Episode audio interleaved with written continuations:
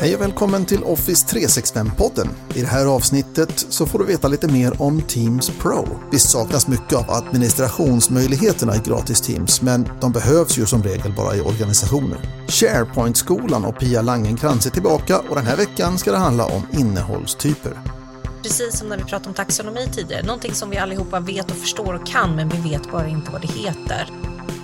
Azure AD är något som alla vet vad det är. Eller hur är det med det? Azure AD är en enda produkt, men hur den fungerar och vilka funktioner som är tillgängliga styrs av vilka licenser som organisationen har. Och så blir det nyheter om Microsoft 365. Jag heter Mats Warnolf. Välkommen!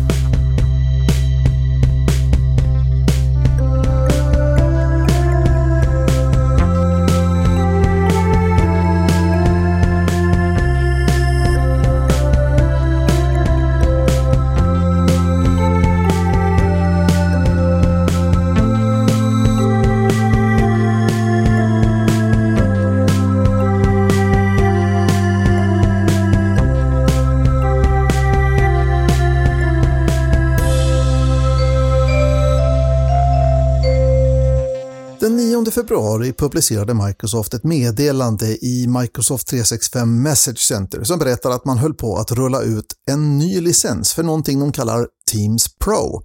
Den här nyheten har slagit ner som en bomb och senast igår fick jag ett samtal ifrån Gary som är Microsoft 365-konsult och lät supertaggad och undrade om jag visste någonting mer om den här nya superversionen av Teams som Microsoft just annonserat. Och visst låter det så. Teams Pro. Sug på namnet. Teams Pro. Låter inte det som en ny version med en hel massa superfunktioner? Jag sitter tyvärr inte inne med några hemliga kunskaper om Microsofts planer för Teams, men så som jag har fattat det så är det egentligen inte frågan om någon superversion. Snarare vill man dels skilja på Teams för privatpersoner och Teams för organisationer. Och samtidigt så vill man skapa en licens för Teams. Den 14 mars 2017 så lanserades Microsoft Teams som produkt. Microsoft hade tidigare tänkt att köpa den konkurrerande produkten Slack, men valde istället att vidareutveckla Skype for Business till att i slutändan bli Microsoft Teams och sedan dess har Microsoft storsatsat på att göra Teams till den dominerande produkten i sitt slag. I och med pandemin så har användningen av Teams ökat dramatiskt på företagen. Och inte bara där.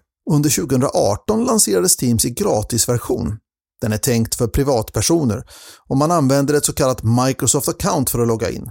I gratisversionen så får du obegränsat med möten som är upp till 60 minuter långa med upp till 100 personer. 10 GB lagringsutrymme och de flesta funktioner som vi är vana vid i Teams finns i gratisversionen. Och nu under pandemin så låter Microsoft ha upp till 300 personer i möten som kan vara upp till 24 timmar. Visst saknas mycket av administrationsmöjligheterna i gratis Teams, men de behövs ju som regel bara i organisationer. I takt med att Teams har vuxit som produkt så har det uppstått en efterfrågan ifrån kunder som vill köpa rena Teams-licenser. Men det går inte. Det går inte att prenumerera på enbart Teams. Teams är istället någonting som Microsoft skickar med i andra betalda prenumerationer. Ännu så länge så är det lite svårt att veta exakt vad Microsoft planerar, men det är min absoluta övertygelse att det som händer nu är att Microsoft har skapat möjligheten att prenumerera på enbart Teams. Produkten kommer att heta Teams Pro. I samband med det här så kommer det också mer avancerade funktioner till Teams. Till exempel kan du använda Teams som webbinarplattform. Under våren lanserar Microsoft möjligheter att skapa egna anmälningsformulär och du som arrangerar webbinariet kan posta en länk till det här formuläret på webben eller i sociala medier och den som anmäler sig via det här formuläret till ditt webbinar får en mötesinbjudan med mejlen när anmälan har bekräftats. Den här funktionen kommer under våren 2021 och funktionerna är så vitt jag kan bedöma egentligen orelaterade till Teams Pro, men den är dels ett bevis på Microsofts fortsatta utveckling av produkten och dels är det en funktion som sannolikt inte kommer att vara tillgänglig i gratisversionen. Teams Pro-licensen kommer du att hitta i slutet på mars. Under våren kommer det att bli tydligare vad Teams Pro innebär för våra organisationer. Men Microsoft lovar redan nu att Teams Pro-licensen kommer att ingå i alla Office 365 och Microsoft 365 abonnemang där Teams ingår idag och att det inte kommer innebära någon kostnadsökning för våra organisationer.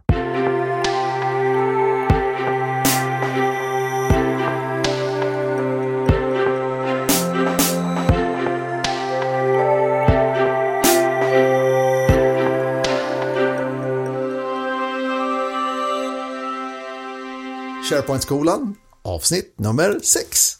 Yay! Yay! Yay! Vad ska vi prata om idag, Pia? Ja, nu blir det spännande. Eh, innehållstyper. Innehåll. Metadata. Det låter inte vansinnigt spännande, men jag, vet ju ja. att det är det, för att jag har mm. hållit på med innehållstyper.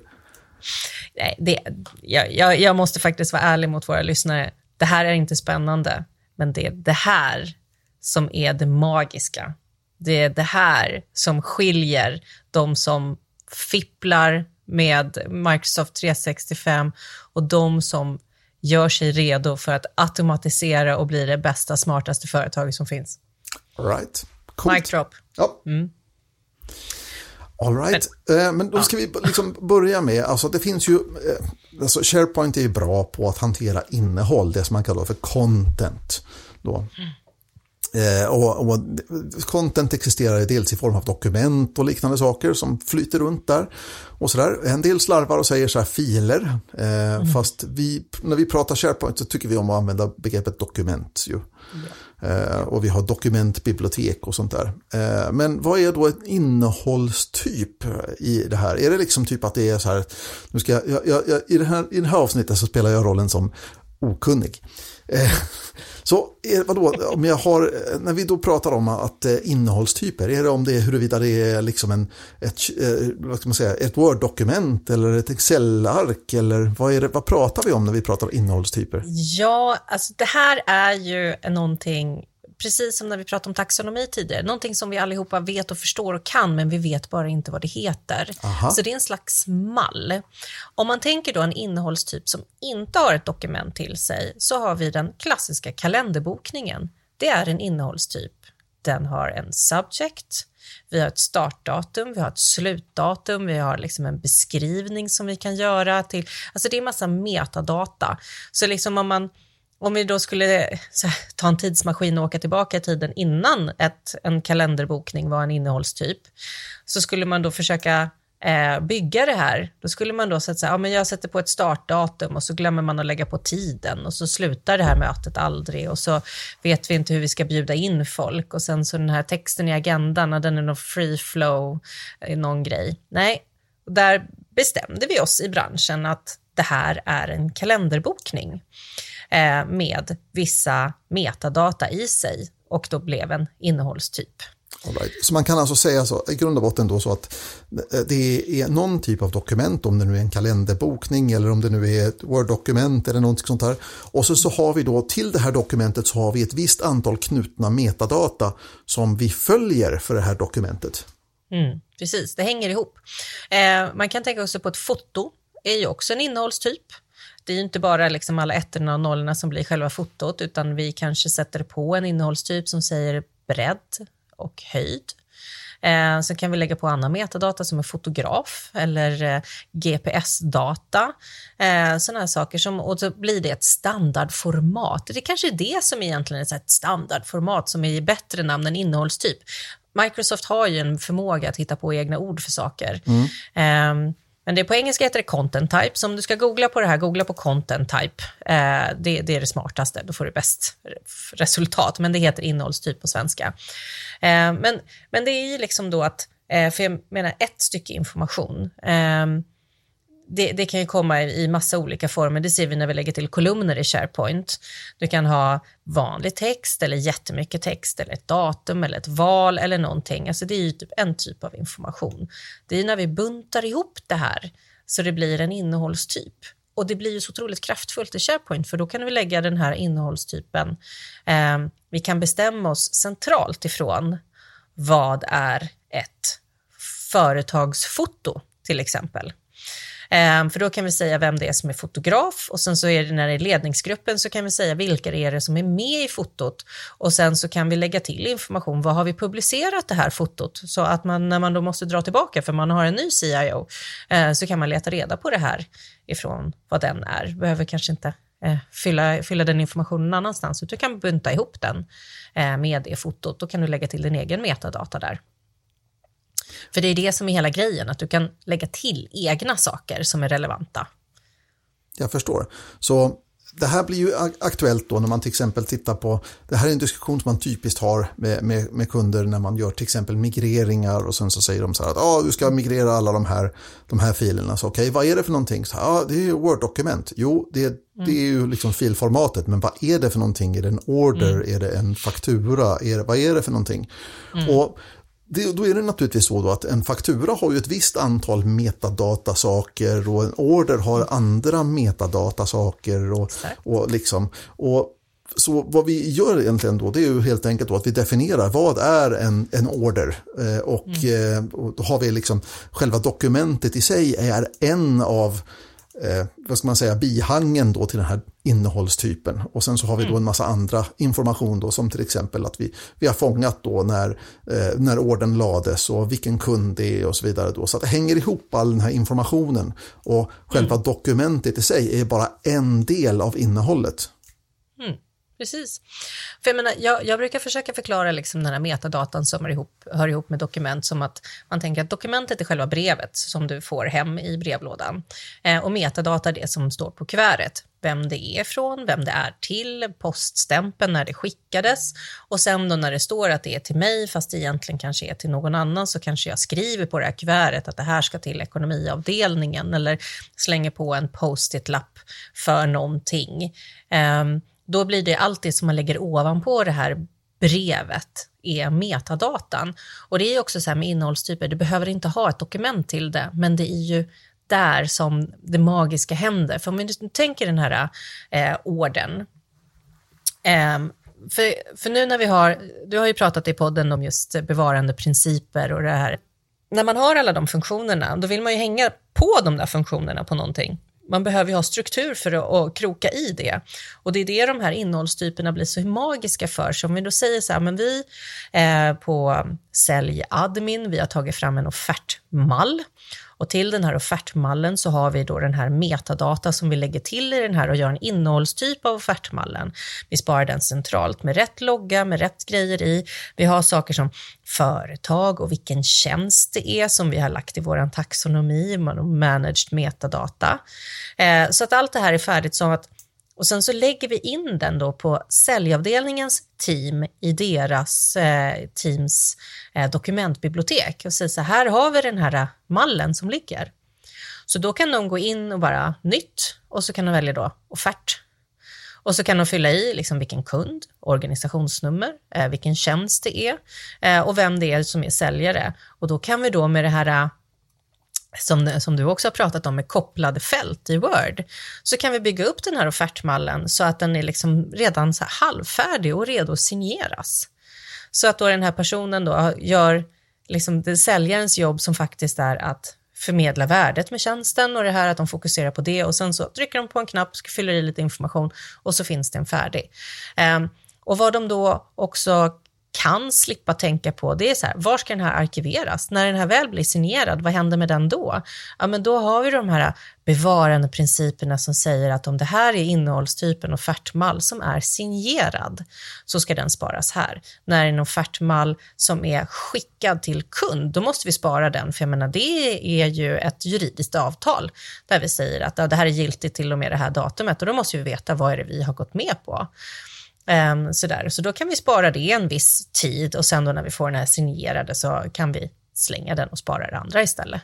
Så det ligger där. Och det är då, det är då den här magiska, allting kommer in på, man säger så här, ja, jag vill gå igenom alla Pelles avtal som han gjorde första kvartalet när han kom hit och jag vill kunna arkivera alla grejer som har med den här tjänsten att göra, för nu ska vi inte göra det längre, så nu ska vi plocka bort det från våra affärsmallar så det inte ska ligga där längre och bara poff som magi Smidigt. så finns inte det på säljarnas liksom teams. De behöver inte gå och leta efter den senaste mallen. Den finns där. Det, det, är ju det som är superkraften med det här. Det är ju det som gör SharePoint som ett så häftigt verktyg som sticker ut ifrån mängden. Och ja, jag vet, det finns andra verktyg som är bra på det här med dokumenthantering också, men de är oftast specialiserade på en viss del av saker och ting. Mm. Och det är inte så generiskt så att säga som SharePoint är och så allmänt och lätt tillgängligt som SharePoint är. Ja, och sen också att du faktiskt kan göra det här i steg. Um, när man tittar på andra verktyg som gör sånt här, CRM-system till exempel, de är jätteduktiga på det här. Vad är en transaktion? Vad är en offert? Vad är ett avtal? Vad är en kund? Alltså där har man ju definierat upp så otroligt mycket saker och gjort innehållstyper av det där. Det vi kallar för en prospect och det liksom går till en ny level. Ja, då har vi den här arbetsflödesgrejen, men det är ju för en väldigt smal sak. Sen så vet jag att det är många som använder CRM-system för all, alla möjliga typer av eh, system som inte alls handlar om att sälja saker till sina kunder, utan alltså, ja, man, man, kan göra mycket med det. Eh, men, men det som är så coolt med just att i SharePoint du kan göra det här, du behöver inte göra det här för alla, alltid. Du kan göra det här för några. Eh, du, du kan starta en liten skala. Eh, så, men, så du, du, behöver inte liksom, direkt, alltså man tänker så här, SAP, liksom. alltså, det, det, det, går inte att slakta den grisen lite, utan det, det är do or die. Lite så. Ja. ja. Alltså, sen ska jag, alltså jag har full respekt för SAP. Jag har sagt att jag aldrig ska jobba i det systemet för att det är för stort och för svårt för mig. Um, och jag, jag, klarar inte av sådana långa ledtider att sätta upp någonting, utan jag tycker om att börja litet, tänka stort och jobba mot målet. Uh, och det kan du verkligen göra i SharePoint. Så, så, här, men vi styr upp våra säljavdelning med avtal. Liksom. Och sen så, ja, men vi styr upp våra olika processer, man säger, vi ber om någonting och sådana saker. Vi, vi styr upp lite den här rekryteringsprocessen. Eh, alltså det, man har ju väldigt många olika verktyg som gör det här och sen så finns det ju system som du kan köpa till Office 365 som faktiskt egentligen bara är de här innehållstyperna och eh, arbetsflödena och har retention policies på, där det är redan någon som har gjort hela definitionsarbetet avtalshantering till exempel, mm. är en jättepoppis tjänst som man köper ovanpå. Och där brukar jag alltid säga till mina kunder när de pratar om det, jag säger så här, gör inte det, tänk inte själv, jobba inte på det här själv. Det finns redan ett ramverk, alltså vi har en universell liksom, överenskommelse vad ett avtal är liksom, och vad en firmatecknare är. Använd det, använd den hjärnkraften som finns bakom de här systemen som redan är färdiga men de ska bygga på Office 365, så du kan använda dina Word-mallar, du har, dina, du har ditt AD, du har din lagring, du har infrastrukturen och säkerheten, allt det där redan på plats. Liksom, plugga in det här. Eh, men just för de här små sakerna som man gör själv. Alltså det pratade med någon idag faktiskt om Lotus Notes databaser och jag bara, just det, kommer du ihåg dem där? Mm -hmm. eh, eh, nu kan man ju i Microsoft 365 bygga liknande applikationer som man gjorde i Lotus Notes. Eh, och då kan man ju liksom ja, men vi definierar oss vad, vad just den här grejen är i den här saken och, och, sätter upp. Och sen så kanske man börjar med att bara ha den här metadatan i något dokumentbibliotek som du sorterar på och gör lite vyer och sen så kanske lägger på något arbetsflöde för att ja, men när det är signerat eller när det här händer, när det är klart, så ska vi lägga det någon annanstans. Eh, sen så slänger man på lite signering på det där, ja, men då har du tagit nästa steg. Och sen så slänger man på lite eh, liksom bevarande principer och lite säkerhetsprinciper som att ah, våra avtal får inte skrivas ut av någon annan eh, än oss, till exempel. Eller ja, förhoppningsvis mottagaren också då, då men eh, någonting sånt. Alltså, så du behöver inte göra allt på en gång. Eh, men vad du behöver göra är ju att du behöver ju förstå allt på en gång. Och det är det här som då, nej, det är inte så spännande. Det, det är en liten uppförsbacke. Du, du måste lära dig lite saker. Det, och det är inte kul.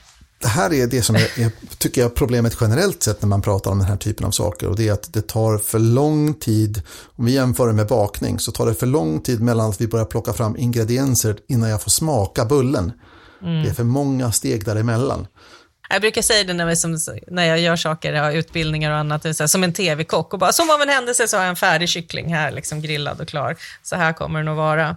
Ja, nej men alltså det tar lång tid och det är mycket att sätta sig in i. Eh, för man behöver förstå liksom alla de här olika lagren på den här löken. Vad är eh, ett, vad är filen först och främst? Liksom? För det är också så här, det är jättemånga som blandar upp just fil och dokument och innehållstyp. Det ena utesluter inte det andra, det är inte lika med ett tecken. Alltså, det, alltså det, en DLL är en fil, men kanske inte ett dokument. Alltså det, det, det, det finns många nivåer.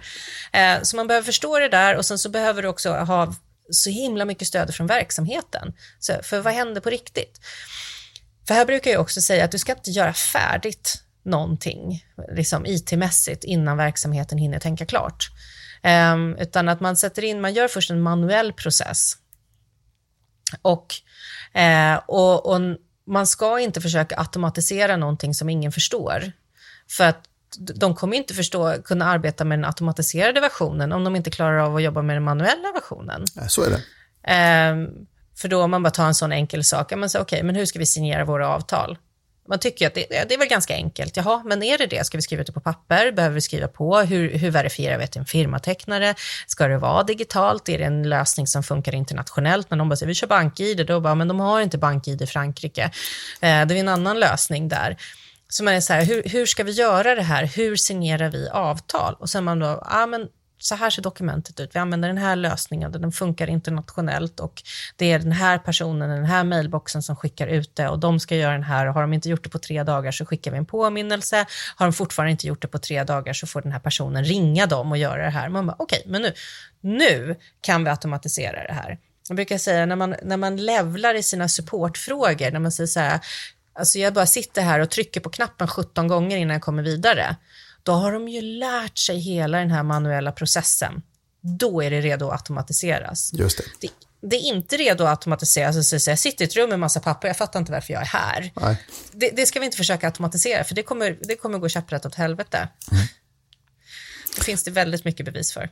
Precis. Nej, men det är just det. Alltså, finns det en manuell process? Alltså, man tittar tillbaka på hur vi hanterade dokument och så vidare. På den tiden som det faktiskt var pappersdokument så var det naturligtvis så att de skulle lagras i en viss perm och de skulle hanteras på ett visst sätt och de skulle katalogiseras på ett visst ställe och så vidare. Då. Så det, det, här är ju liksom samma sak fast skillnaden är att det är elektroniska dokument eh, och att vi har, vi kan, när vi väl har tänkt färdigt så kan vi bygga mycket, mycket mer automation och mycket, mycket mer förutsägbara automatiska processer. Mm. mm. Men ja, och där, och blir ju, där blir ju de här innehållstyperna blir ju oerhört tydligt då därför att in, olika innehållstyper har då olika processer och det är ju det som är mm. grejen. Precis. Ja, och, och, den som vi saknar från den tiden när det var papper, alltså vad hon nu hette, för det var alltid en hon, eh, och liksom så här, lite kort men hade banne med koll på allting, alltid glasögon, liksom hette så här Anna-Britta eller Märta eller någonting, som var så här, jaha, du vill ha det här och så vänder hon sig om, tar fram en perm och du fyller i den här blanketten och sen så ger du den till mig och så ska den Lars-Göran skriva på den och sen kommer den tillbaka här och så gör jag två kopior och en lägger där och en lägger där och en lägger där. Och man bara, åh gud, kan inte hon sluta prata? Eh, sen när du försöker göra det här nu när vi har tagit bort alla de där äh, jobbiga assistenterna som bara sitter och kör med handbromsen i, så sätter vi så här bara, vi har 85 terabyte av dokument och vi vet inte vad fan vi har. Eh, vi vet bara att det här måste flyttas och eh, vi vet inte vem som är ansvarig, vi vet inte vad det är för innehållstyper och då blir man så här, Märta, Britta, kom tillbaka, allt är förlåtet. För där satt ju hela automatiseringen, där satt ju hela processen, där mm. satt ju allting liksom mellan öronen på henne. Mm. Ja, och jag ska säga, henne, alltså, hon hade ju en förmåga att bära tunga pärmar också. Mm. Så att, mm, hon var stark. Ja, men så att, så att det, det, är helt rätt då eh, att eh, vi behöver få tillbaka Märta-Britta eh, i, i systemet. Fast i det här fallet då, så om vi bara har koll på läget när det handlar om våra dokument så kan vi, då kan Märta-Britta vara en automatiserad process som gör saker ja. och ting åt oss, som lägger saker och ting på rätt ställe och som lagrar i rätt antal dagar och så vidare. Mm. Ja, och det är ju ofta så här med digitala processer så är det ju inte en lika liksom, friendly reminder som det skulle vara från Märta-Britta, som var så här, har du fyllt i blanketten nu? Nej, men jag hjälper dig. Mm. Um, och du säger, nej men du kan inte skriva, du måste skriva det där. Det är, det är inte ditt namn, det är dina barns namn som ska vara med på den här försäkringen. Sådär. Uh, det kommer ju inte hända digitalt, det blir bara syntax error. Uh, kasta bort det, bara, vi vet inte vad det här är för någonting. Gör om. Mm. Uh, så, men, så därför, man måste, man måste vara, ha med allihopa Eh, man behöver ha med cheferna, man behöver ha med assistenterna, man behöver de som faktiskt jobbar med det här och IT och alla måste förstå den här kedjan. Vad är det här för någonting?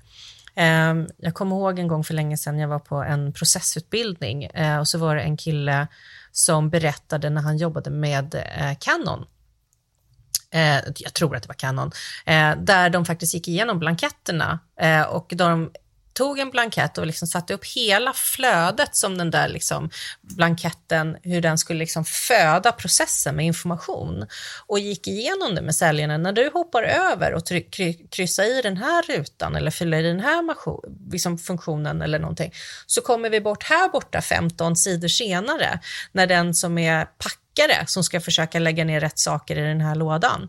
Då har inte de den informationen. Då behöver det här liksom backas då manuellt genom alla de här cheferna. Så han stannar där, vi kommer inte kunna skicka ut det i tid.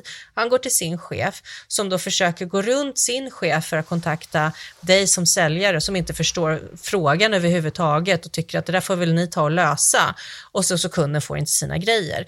Eh, så de gick igenom hela processen med alla blanketter för liksom från order till orderbekräftelse till packlista till ja, men liksom faktura till allting och bara ah, jag fattar. bara, ja, ja, vad bra. Mm.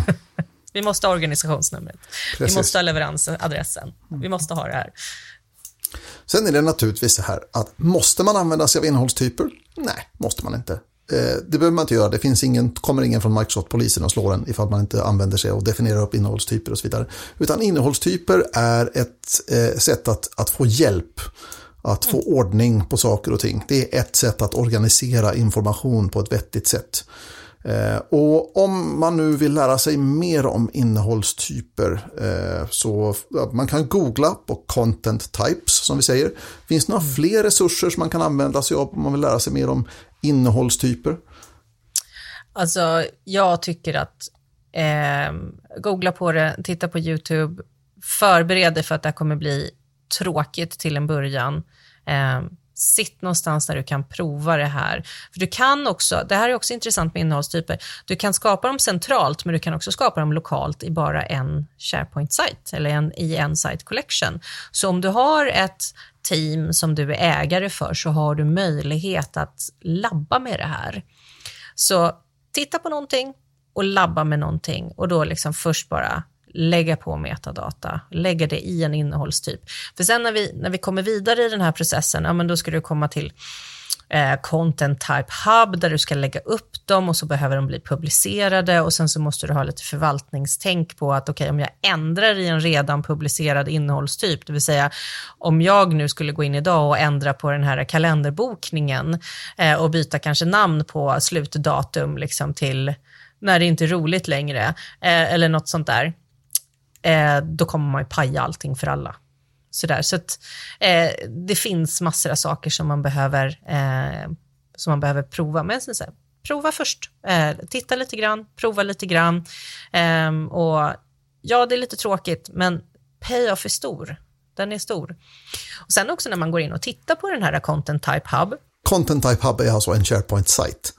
Det Eller? är en SharePoint-sajt som håller i alla innehållstyper som faktiskt redan finns i ditt Microsoft 365. Fast alltså, den syns inte, eller? Den syns inte.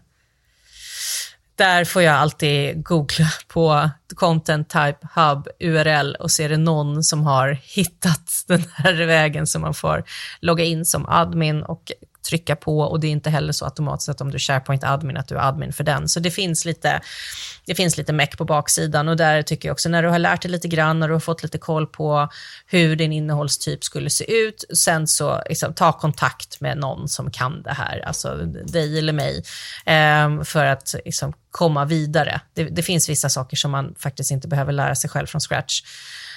Um, vi, vi, vi som smärtsamt har tagit igenom sådana här processer lite grann kanske kan rädda vissa människor från att försöka stå och blåsa på degen och få den att jäsa snabbare eller någonting. Precis, ja, men vi har gjort många av de här nybörjargrejerna, har vi, misstagen ja. och eh, de lyckade varianterna har vi redan, vi har passerat igenom det. Ja, kan man säga. Så här, det står att du kan göra så här, men gör inte det. Varför inte då? då bara, just lita på mig. Precis, det blir inte bra. Bra, Pia, i, tack så jättemycket för den här duvningen i vad en innehållstyp eller en content type är för någonting. Eh, vad har vi på lut i nästa avsnitt av eh, SharePoint-skolan? Ja, oh, nu ska vi prata om någonting som är lite sexigare. Eller inte nu, utan nästa gång. Eh, audience targeting i oh. SharePoint, alltså målgruppsanpassning. Det är ju lite grann, vad ska man säga, så här, det är någonting som har funnits tidigare och som försvunnit och sen som har kommit igen in a big way, som vi säger.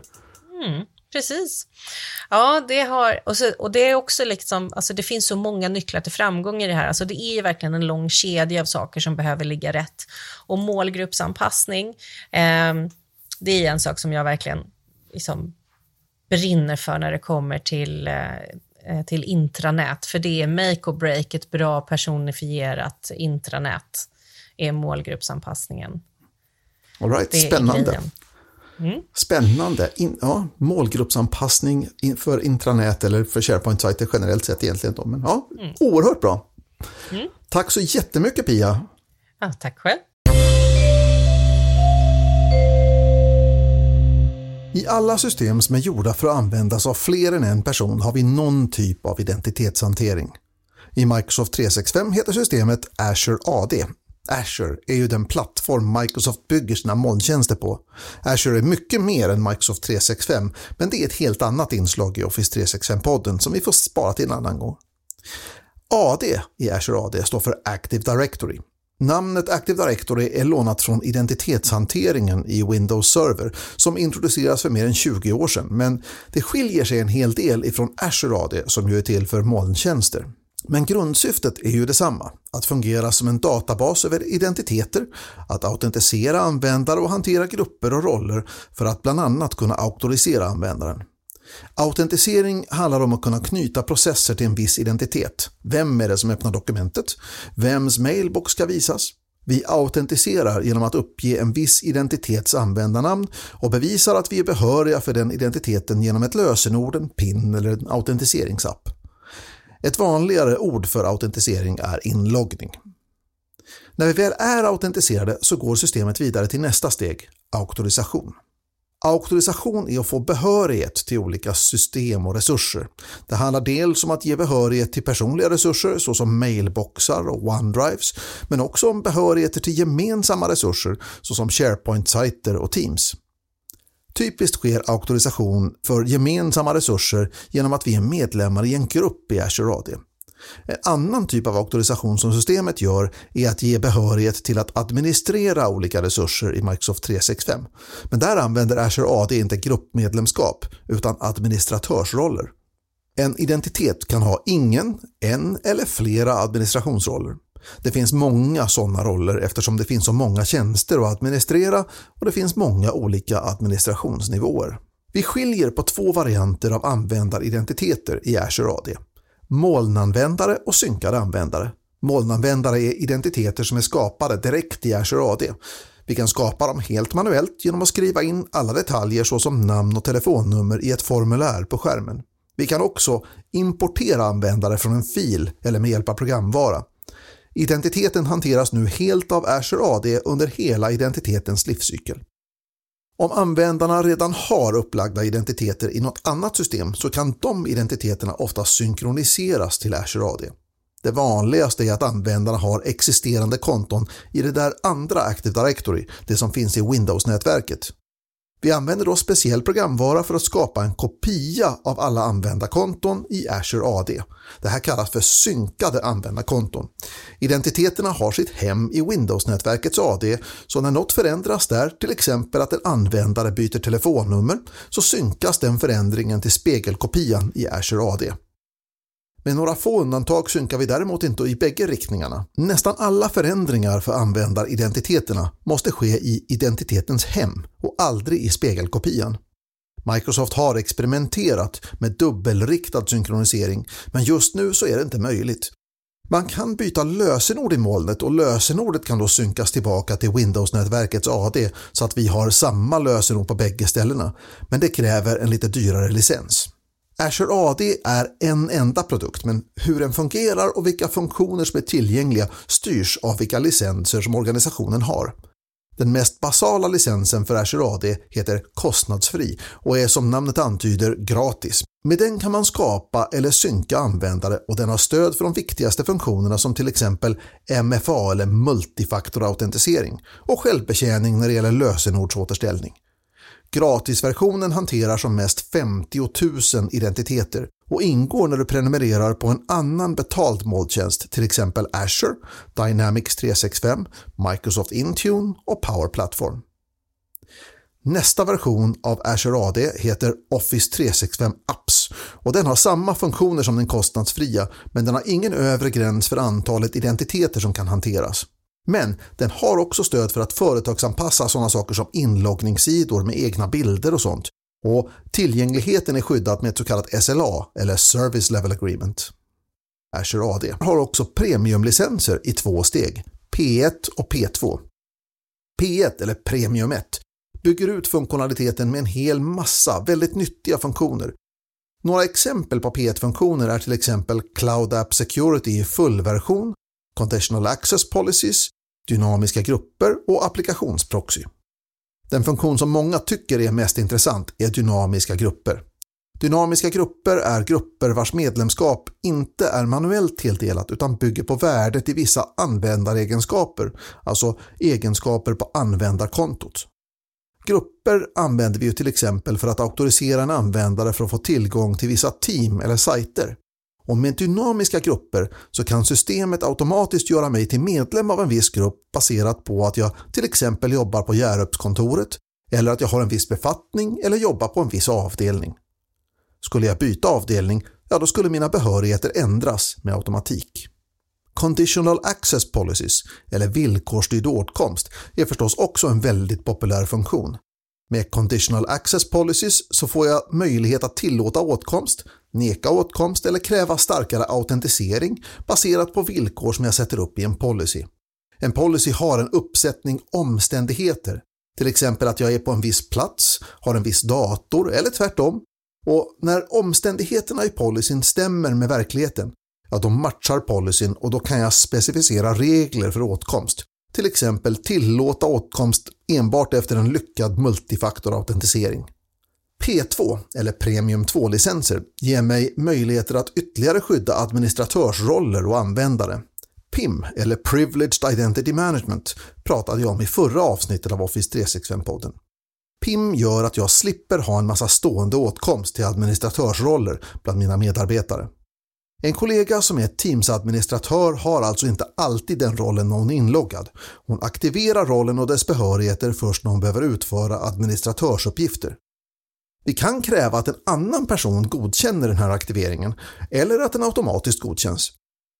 Identitetsskydd i form av riskanalys för användare och inloggningar är andra saker som ingår i P2-licenserna. När det finns en risk att ett användarkonto och dess lösenord har blivit känt i fel kretsar så kan vi till exempel kräva att användaren byter lösenord. Och om en inloggning verkar konstig på något sätt, till exempel att inloggningen sker från en plats som är underlig eller på något annat sätt verkar skum, så kan vi tillfälligt kräva multifaktorautentisering. Är inte de här licenserna dyra, de här P1 och P2? Ja, de är ju inte gratis. Men just nu så behöver du inte köpa licenser och tilldela till alla dina användare. Du behöver däremot äga tillräckligt många licenser för att täcka de som har nytta av funktionerna som kommer med licenserna. Om vi tar PIM som ett exempel. Här behöver du äga en licens för var och en av dem som ska kunna aktivera en roll eller kunna godkänna och avslå en rollaktivering. Du behöver dock inte knyta licensen till den specifika användaren utan bara äga licensen så att du täcker in antalet. Microsoft lovar inte att det alltid kommer att fungera på det här sättet, men just nu så är det det här som är reglerna. Så nu undrar du säkert, vart vill jag komma med all den här informationen? Jo, jag vill att du ska lyfta blicken och kika på de här premiumlicenserna för Azure AD. Titta på vilket värde de kan tillföra och jämför med vad de kostar. Ta med i beräkningen vilka som kan dra nytta av de här funktionerna i licensen och kalkylera hur många licenser du behöver. Och om din organisation har en licenspartner så be om hjälp att räkna ut vad det skulle kosta för just dig och just de funktioner som du vill nyttja i Azure AD. Dags för nyheter i Office 365-podden. Nu rullar Microsoft ut stödet för webinars i Teams. I kalendern i Teams längst upp i högerhörnet där du kan boka in ett nytt möte eller ny livehändelse kommer du inom kort att kunna boka in ett nytt webbinarium. Vi kan välja att låta webbinariet vara öppet där alla är välkomna eller kräva att deltagaren registrerar sig i förväg. Jag kan skapa ett registreringsformulär där de som ska registrera sig får fylla i de detaljer som jag behöver veta. Resten av webbinarieupplevelsen är mer eller mindre som ett Teamsmöte med bekanta kontroller och funktioner. Upp till 1000 interaktiva deltagare kan vi ha i ett webbinarium. Får vi fler än så kan vi ha tiotusentals deltagare som passiva åskådare. Approvals i Teams är en funktion som dök upp för några veckor sedan. Vi kan alltså skapa enkla godkännandeflöden direkt i Teams. Och nu får de här flödena fler funktioner. Vi kan med start i april bifoga dokument i flödena och vi får också stöd att formatera våra dialoger i flödet genom att vi nu har stöd för markdown som gör det enklare att få till saker som punktlistor och liknande formateringar. Under Ignite fullkomligt regnade det in nyheter rörande möten i Teams. Dynamic View är en funktion som dynamiskt anpassar galleriet av användare baserat på hur många deltagare som är med och har kameran igång. Uppe i det vänstra hörnet kommer en ny knapp som Microsoft kallar för View Switcher som gör att vi kan växla mellan olika vyer när man till exempel presenterar ett möte.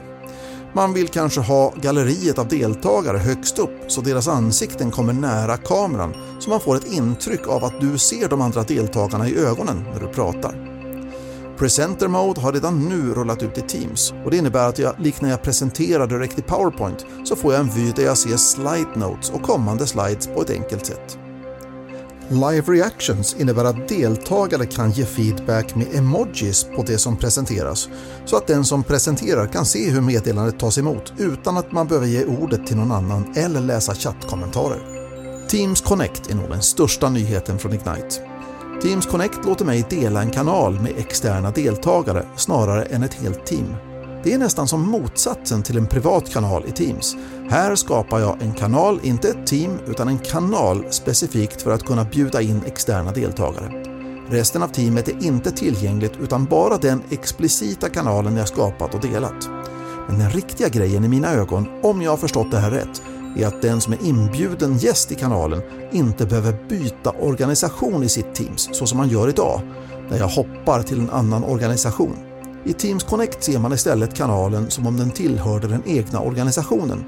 Det här känns ju som om det här kommer bli ett helt eget segment i ett kommande avsnitt av Office 365-podden och det får bli så snart jag verkligen fått koll på Teams Connect. Och det var nyheterna i Office 365-podden.